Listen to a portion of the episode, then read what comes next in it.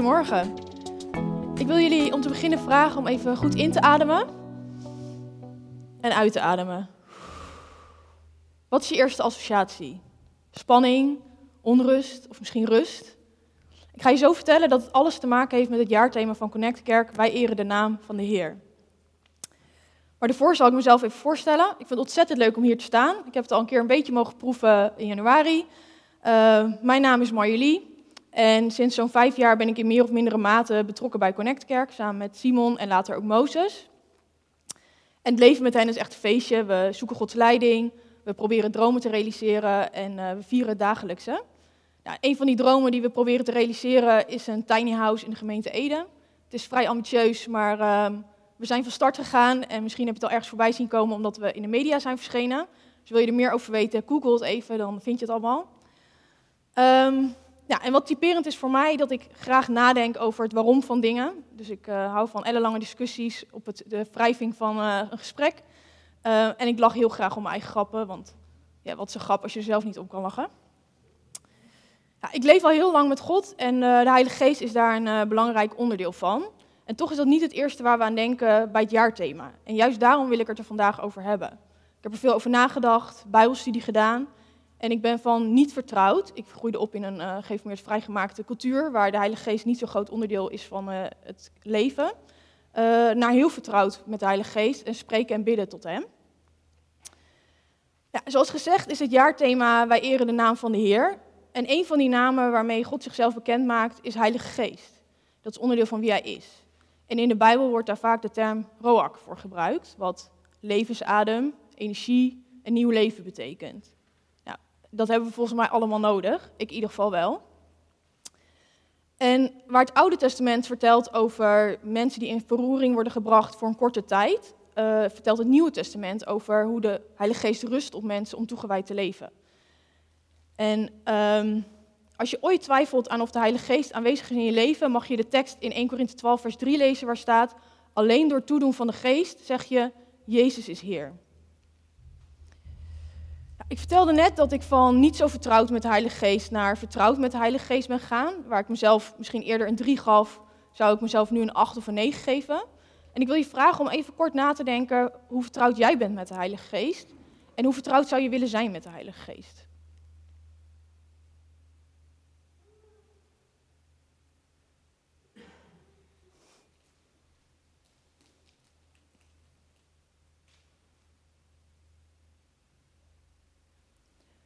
Vroeger dacht ik, en dat herken je misschien wel, dat ik moest wachten op de Heilige Geest. Maar vandaag wil ik je vertellen, Gods Geest is altijd aanwezig.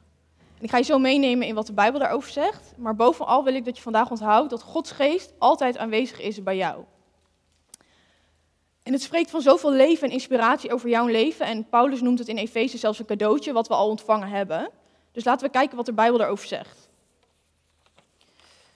Als je denkt aan de Heilige Geest, denk je dan vooral aan het Nieuwe of aan het Oude Testament? Ik gok dat veel van jullie nu denken Nieuwe Testament. En toch staat het Oude Testament vol met de Heilige Geest. Sterker nog, het begint ermee. In Genesis 1, vers 2, uh, eh, zweeft Gods geest over de aarde. Uh, is datzelfde woord wat ik net noemde, roak. En um, um, Vervolgens komt het ook in Genesis 2, vers 7 weer naar voren, als Gods geest de mens levensadem inblaast. Het mooie is dat als je Genesis 2 vers 7 in de grondtekst leest en kijkt naar handelingen, waar de Heilige eh, Geest wordt uitgestort op de discipelen, dat het dezelfde tekst is. Dus waar hij al in het begin van de Bijbel is, is hij er later ook weer. Dus het Oude Testament staat vol mee, um, waar, waar hij zeg maar, voor bijzondere momenten aanwezig is. Maar ook in het Nieuwe Testament wordt hij uitgestort en vanaf dan is hij er altijd en voor iedereen. Nou, het woord levensadem ik moet dan denken aan de eerste adem van mijn zoontje, zo'n drie jaar geleden. En dat is een baby die zijn eerste adem neemt. Dat is zo puur, zo krachtig, levendgevend, zoals de geest. En ook super noodzakelijk. En dat is dus ook precies wat de, de adem van de geest doet in ons leven. De eerste keer dat de Bijbel spreekt over een persoon die toegerust wordt door de Heilige Geest, is al in Exodus 31. En dat is niet een priester, het is niet uh, zoals Mozes die een volk naar een nieuw land leidt. Het is ook niet iemand die geroepen wordt om andere volken het goede nieuws te vertellen. Nee, het is een kunstenaar. En hij wordt door de Heilige Geest toegerust om uh, de tabernakel te ontwerpen en te maken tot eer van God. En het mooie is dat het Hebreeuws kent geen woord voor geestelijk. Waar wij dingen klassificeren als dit is geestelijk en dat is niet geestelijk, is voor God alles belangrijk. Wat wij doen is belangrijk en wie wij zijn is belangrijk. En het resultaat van het werk van deze man, Bezalel heet hij, is dat hij dus geïnspireerd door de Heilige Geest een plek ontwerpt waar Gods schoonheid aanwezig is. En de reactie van mensen is dat ze hem gaan aanbidden en dankbaar zijn. Nou, een mooi hedendaags voorbeeld vind ik uh, de schilderijen van Otto de Bruyne. Je ziet ze op het scherm. En uh, de linker laat iets zien over hoe in het leven geven en ontvangen onderdeel is van uh, wat we doen. Dus we ontvangen zelf en we mogen ook weer geven. En zonder dat dat er allebei, het een kan niet zonder het ander. En daarnaast zie je twee beelden van de schepping en Gods aanwezigheid. Nou, mocht je een keer in Voorthuizen zijn, uh, in het bos, daar staat zijn canvaskapel, waar deze schilderijen ook te zien zijn. Het is echt een aanrader om heen te gaan. Je staat midden in de natuur met allemaal uh, kunstwerken. Het is echt een fantastische plek. Nou, ik noemde al dat het Oude Testament vol staat met Gods geest. En in Ezekiel 36 belooft God zelf aan het volk Israël dat hij zijn geest zal geven. Hij zegt, ik zal er zijn. En hij is op dat moment ook al aanwezig. Een hoofdstuk later, uh, in Ezekiel 37, uh, is er een vallei vol met lijken, letterlijk droge botten, waar opnieuw Gods geest aanwezig is en ademt over de vallei, waardoor de botten tot leven komen. En um, dat spreekt van ontzettend veel hoop en leven. En het is een inspiratiebron geweest voor heel veel artiesten. Denk aan Come Alive van Lauren Diego, Dry Bones van Kunker of Rattle van Elevation Worship. Aanraders om allemaal te luisteren, om ook echt te doorleven dat Gods geest in je leven aanwezig is. En over nieuw leven en botten gesproken, zo'n vijf jaar geleden zou je mijn huwelijk hebben kunnen kwalificeren als droge botten. Er zat weinig leven in en ik had weinig hoop meer. Maar God bleef hoop spreken. Zijn geest blies steeds opnieuw leven in ons huwelijk, waardoor we vandaag kunnen zeggen dat we zeven jaar getrouwd zijn. Niet letterlijk vandaag trouwens. Uh, maar hij bleef trouw. Waar, wij, waar ik dat niet meer zag, bleef hij trouw.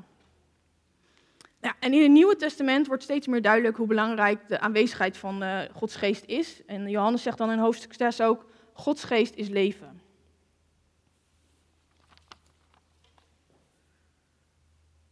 Wat we net deden, inademen en uitademen, dat doen we continu. Zonder ons ervan bewust te zijn eigenlijk. Het is altijd je ademhaling. En het geeft je leven. Zonder ademhaling houdt het al snel op. En weet je nog, levensadem, dat is wat Gods geest doet. Dus sta af en toe eens bewust stil bij je ademhaling. Het, nou, het brengt rust, maar het is ook een simpele herinnering aan Gods geest die aanwezig is in je leven. En ik noemde net al Efeze 4, waar Paulus erover schrijft dat het ook een cadeautje is wat we hebben ontvangen. En eh, de message vind ik mooi hoe dat verwoord is. Daar staat: His Holy Spirit, moving and breathing in you, is the most intimate part of your life, making you fit for Himself. Don't take such a gift for granted.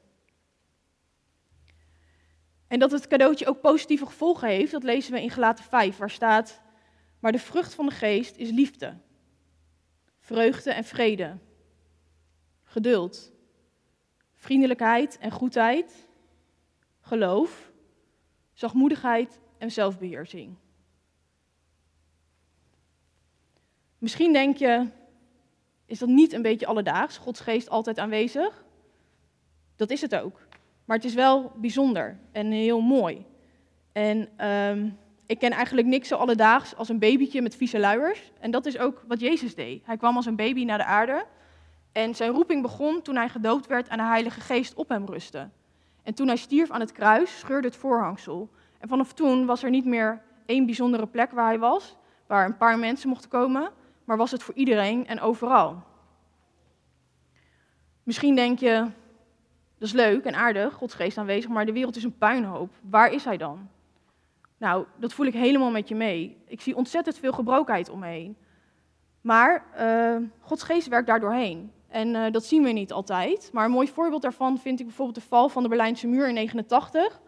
Uh, eh, waar door kerken in Berlijn een week lang voor gebeden is, tot het moment dat het gebeurde. En misschien denk je, ik voel het niet altijd. Nou, dan zijn er twaalf mensen die dat met je kunnen beamen, denk ik. En dat zijn de discipelen. Zij voelden het ook niet altijd. Geloof is ook vertrouwen. En een mooie quote daarbij vind ik de quote van Rachel Held Evans. Een fantastische vrouw die helaas uh, op 37-jarige leeftijd is overleden, twee jaar geleden. Maar zij zegt, I am a Christian, I concluded. Because the story of Jesus is still the story I'm willing to risk being wrong about. Zij weet het ook niet altijd, maar ze zegt, ik hoef het niet allemaal te weten voordat ik durf te vertrouwen op God. Dan kom ik er vanzelf achter wat ik moet weten. De reactie van mensen op Gods aanwezigheid is, en schoonheid is aanbidding en dankbaarheid voor wie en hoe hij is. En uh, kerkvader Irenaeus die zegt daarover, de heerlijkheid van God is een mens die ten volle leeft. Dus leef ten volle. Doe wat de geest je ingeeft. Voel je geïnspireerd door wat hij doet in je leven en wat hij aanwakkert. En als je je afvraagt, waar is God? Dan kun je ook afvragen, wie is er afwezig? Is God afwezig of ben jij afwezig? Als ik terugkijk op het voorbeeld van mijn huwelijk, dan kan ik nu zeggen dat ik afwezig was. Ik wilde of durfde of uh, zocht niet naar Gods aanwezigheid in mijn huwelijk en dacht, ik doe het even op eigen kracht. Maar God was altijd aanwezig en sprak zijn leven door anderen heen. Hoe is dat in jouw leven? Is er een moment waarvan je zegt, waar is God? En durf je onder ogen te komen of God afwezig is of dat jij misschien afwezig bent? Iets anders wat de geest doet, waaruit blijkt dat hij altijd aanwezig is, uh, staat in Johannes 14, waar staat, hij maakt je alles duidelijk en brengt in herinnering wat Jezus heeft gezegd. En een uh, lied wat mij altijd uh, weer wijst op de aanwezigheid van de Heilige Geest in, in mijn leven en wat, wat ik gewoon heerlijk vind om aan te zetten, om dat ook weer even nou, te beleven of te voelen, is het nummer Here is in Heaven van Elevation Worship, waar staat... Of zij zingen, the atmosphere is changing now, for the spirit of the Lord is here. The evidence is all around that the spirit of the Lord is here. De Bijbel staat er dus vol mee. En uh, het begint er zelfs mee. Gods geest is altijd aanwezig geweest. En uh, uit alles blijkt dat dat voor ons allemaal geldt. Hoe kun je dat toepassen in je eigen leven?